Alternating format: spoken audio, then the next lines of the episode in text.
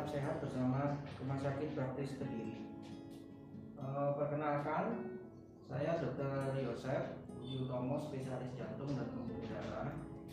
Pada siang hari ini, saya akan menyampaikan eh, materi mengenai eh, penyakit hipertensi dan kaitannya dengan kesehatan jantung. Nah, seperti kita ketahui bersama bahwa hipertensi ini banyak banyak kita dapatkan ya dalam eh, terutama dalam praktek saya sehari-hari. Nah, apakah sebetulnya hipertensi ini? Jadi kata hiper dan tensi. Hiper artinya berlebihan, sedangkan tensi tekanan darah. Hipertensi adalah suatu gangguan sistem peredaran darah yang menyebabkan kenaikan tekanan darah di atas nilai normal. Jadi tekanan darah itu terdiri dari dua komponen. Jadi yang pertama adalah tekanan sistolik, jadi tekanan tertinggi di mana saat jantung memompa darah ke seluruh tubuh. Ya, sedangkan yang kedua adalah tekanan diastolik, tekanan terendah saat jantung istirahat atau mengembang. Ya, jadi misalnya tekanan darahnya 120 per 80, ya sistolnya itu berarti 120, sedangkan diastoliknya adalah 80. Ya, jadi hipertensi ini eh, dikatakan hipertensi bila tekanan darahnya lebih dari 140 per 90 ya. Dan hipertensi ini mengenai sekitar satu juta ya dari penduduk dunia dan merupakan uh, silent killer. Jadi kenapa kok kita sebut silent killer? Karena sering tidak ada gejalanya. Ya, tahu-tahu pasiennya sudah kena stroke, kena serangan jantung, kena gagal ginjal ya. Seperti itu. Nah, bagaimana di Indonesia sendiri? Jadi bahwa eh, hipertensi di Indonesia ini eh, pada tahun 2018 ini mengenai sekitar 34,1 persen dari penduduk Indonesia. Ya, jumlah ini meningkat dibandingkan pada 2013 yaitu sebesar 25,8 persen saja pada 2013, sedangkan pada 2018 34,1 persen. Jadi semakin tahun semakin meningkat ya. Di mana yang terbanyak eh, proporsinya ini pada Kalimantan Selatan ya, kemudian Jakarta. Itu adalah gambaran mengenai eh, tingginya kasus hipertensi di Indonesia ya. Kemudian eh, bagaimana kita memeriksa tekanan darah kita? Jadi diperiksa dalam posisi santai ya. Jadi duduk eh, di meja. Kemudian eh, yang idealnya adalah setelah bangun tidur pagi 30 menit ya. Kemudian sesudah buang air kecil eh, kita duduk santai. Kemudian kita tempatkan eh, alat tensimeternya sejajar dengan posisi jantung kita. Ya. Nah ini eh, dalam pengukurannya jadi kita periksa eh, tiga kali berturut-turut sebetulnya dalam interval satu menit ya kemudian nilainya kita rata-rata ya kalau tinggi sekali kalau tekanan darahnya tinggi sekali ya pada umumnya tidak perlu pengulangan yang berkali-kali nah hipertensi ini merupakan eh, faktor resiko utama dari penyakit kardiovaskuler ya. Jadi di samping kegemukan obesitas kemudian diabetes ya merokok kemudian eh, hiperkolesterolemia ya jadi kolesterol tinggi ya. Kemudian juga eh, usia dan gender lah. Ya, hipertensi merupakan salah satu dari faktor-faktor risiko tersebut ya Kemudian apakah penyebab dari hipertensi ini? Jadi ada dua penyebab. Yang pertama adalah primer, yang kedua sekunder. Primer dikatakan primer 90% tidak diketahui penyebabnya ya. Jadi pada umumnya ada kecenderungan eh, faktor genetik ya. Sedangkan hipertensi sekunder ini sekitar 10% ya. Jadi berhubungan dengan kelainan ginjal, kelainan hormon, kelainan pembuluh darah ya. Kemudian juga bisa kita dapatkan pada kehamilan, pemakaian alat-alat kontrasepsi hormonal, maupun pada perokok berat. Nah, lalu bagaimana kita menggolongkan eh, seseorang ini hipertensi ringan, sedang, atau berat?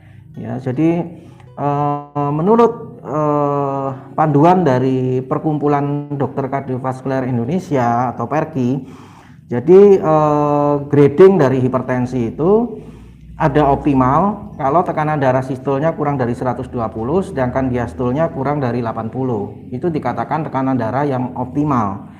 Kemudian yang normal kalau tekanan darah sistoliknya 120 sampai 129 sedangkan diastoliknya 80 sampai 84. Kemudian ada juga normal tinggi itu bila tekanan darah sistoliknya 130 sampai 139 sedangkan diastoliknya 85 sampai 89 kemudian setelah itu hipertensi grade 1 ya di mana tekanan darah sistolik 140 sampai 159 dan atau diastoliknya 90 sampai 99 kemudian hipertensi grade 2 di mana tekanan darah sistoliknya 160 sampai 179 dan atau tekanan darah sistoliknya diastoliknya 100 sampai 109. Kemudian hipertensi grade 3 ini yang paling berat ya di mana tekanan darah sistoliknya lebih dari sama dengan 180 dan tekanan darah diastoliknya lebih dari sama dengan 110. Lalu bagaimana gejala dari hipertensi ini? Kebanyakan adalah tanpa gejala ya. Jadi tahunya ya waktu kita ukur tekanan darahnya. Kemudian bisa juga terasa rasa berat atau sakit di bagian belakang kepala sulit tidur kemudian mudah marah tersinggung. Kemudian bisa juga e, muncul gejala penyakit lain yang menyertai dari hipertensi ini. Misalnya uh, kalau hipertensi uh, disertai oleh stroke bisa terjadi kelumpuhan separuh badan, kemudian uh, penurunan dari kesadaran ya. Kemudian gelisah ya. Bisa juga misalnya hipertensi dengan kerusakan dari retina ya. Bisa disertai dengan penglihatan kabur. Kemudian hipertensi yang disertai dengan e, penyakit jantung koroner. Bisa didapatkan nyeri dada sesak ya. Nah komplikasi dari hipertensi ini bisa mengenai berbagai organ tubuh kita.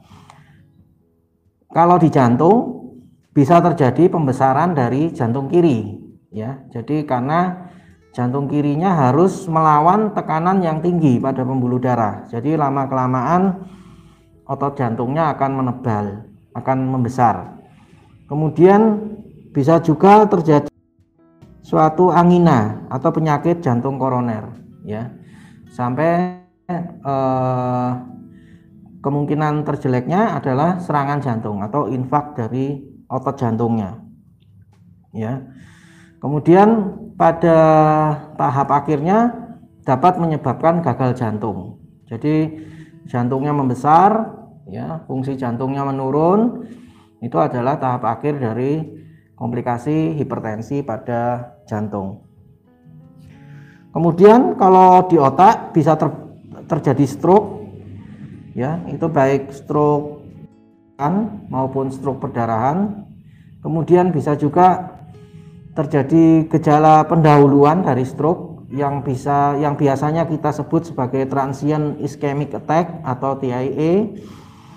Kemudian pada ginjal dapat menyebabkan penyakit ginjal kronis. Kemudian pada pembuluh darah tangan, kaki atau pembuluh darah perifer ini bisa menyebabkan penyakit e, arteri perifer ya. Kemudian pada mata bisa terjadi kerusakan dari retina atau yang kita sering kita sebut sebagai hipertensi retinopati.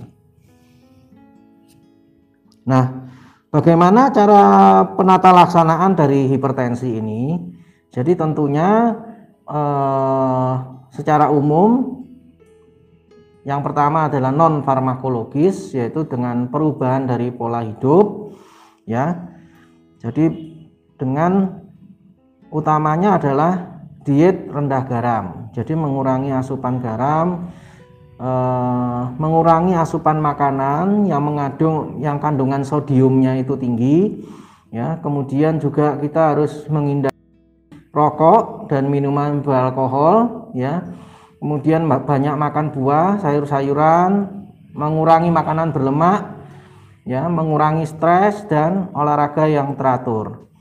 Kemudian apabila gagal mencapai target penurunan dari tekanan darah ini, maka eh, kita berikan obat. Jadi obat-obatan hipertensi. Nah, tujuannya adalah untuk mengurangi morbiditas dan mortalitas akibat penyakit kardiovaskuler dan ginjal. Nah, perubahan dari gaya hidup tadi sempat saya singgung. Jadi meliputi memelihara berat badan dalam rentang yang normal. Jadi di mana body mass indexnya antara 18,5 sampai 24,9. Kemudian juga pengaturan pola makan ya, banyak makan sayur, buah ya, mengurangi makanan berlemak kemudian mengurangi konsumsi garam olahraga teratur ya jalan eh, tiap hari minimal 30 menit seharinya kemudian bisa juga olahraga selain jalan renang atau bersepeda kemudian menghindari minuman beralkohol berhenti merokok dan menghindari stres dan emosi nah Bagaimana hubungan perubahan gaya hidup ini dengan tekanan darah? Ya, jadi berdasarkan penelitian bahwa penurunan berat badan ini mampu membantu menurunkan tekanan darah 5 sampai 20 mm Hg per turun 10 kg dari berat badan ya. Kemudian untuk pengaturan diet itu mampu menurunkan tekanan darah sebesar 8 sampai 14 mm Hg kemudian diet rendah garam 2 sampai 8 mm Hg olahraga aktivitas fisik ya. Ini mampu menurunkan 4 sampai 9 mm bahkan ada beberapa sumber menyebutkan mampu menurunkan sampai 10 mm Hg dan mengurangi konsumsi alkohol ini mampu menurunkan tekanan darah sebesar 2 sampai 4 mm Hg mungkin begitu yang dapat saya sampaikan. Apabila sahabat baptis ada beberapa pertanyaan akan saya jawab. Silahkan menulis di kolom chat terima kasih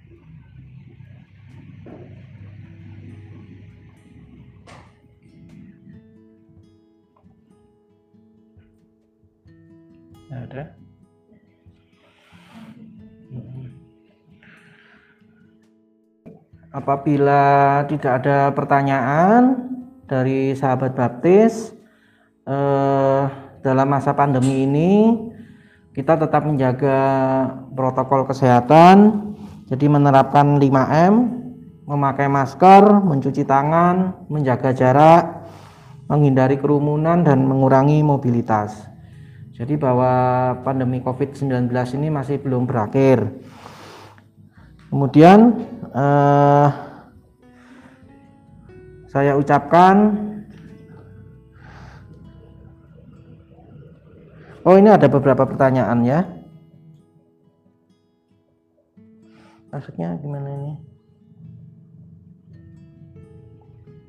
Dada kiri atas agaknya tinggi dada dari ibu susah dada kiri atas agak nyeri kenapa ya nah ini sebetulnya nyeri dada ini eh, ada beberapa penyebab kita harus tahu deskripsi dari nyeri dadanya. Nah, nyeri dadanya eh, bagaimana rasanya? Nyeri dada yang mengarah ke arah penyakit jantung koroner biasanya nyerinya seperti ditindih benda berat, ya, jadi atau rasa tercekik, ya, dengan tidak jelas yang tidak dapat ditunjuk secara pasti, ya, biasanya dirasakan di dada tengah, ya, kemudian memberat dengan aktivitas atau pada saat emosi berkurang dengan istirahat atau pemberian biasanya pemberian obat e, golongan nitrat atau nitrogliserin yang ditaruh di bawah lidah ya. E, kemudian juga disertai dengan e, gejala lainnya seperti sesak keluar keringat dingin mual muntah atau pusing seperti mau pingsan nah itu adalah gejala nyeri dada akibat uh, adanya penyakit jantung koroner.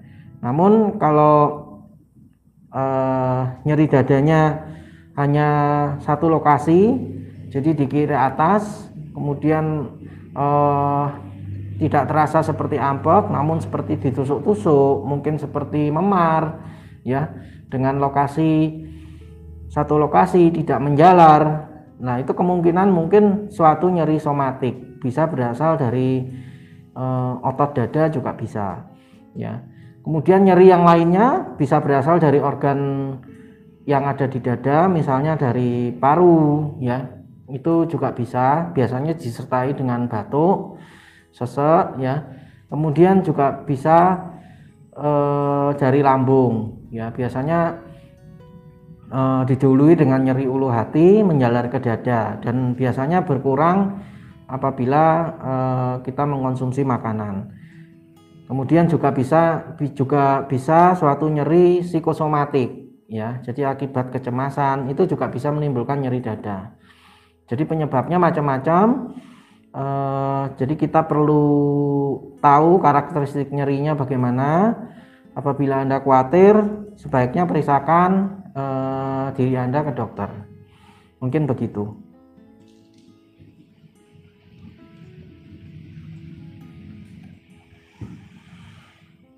Baik, apabila tidak ada pertanyaan lagi, eh, saya tutup eh, materi saya pada siang hari ini.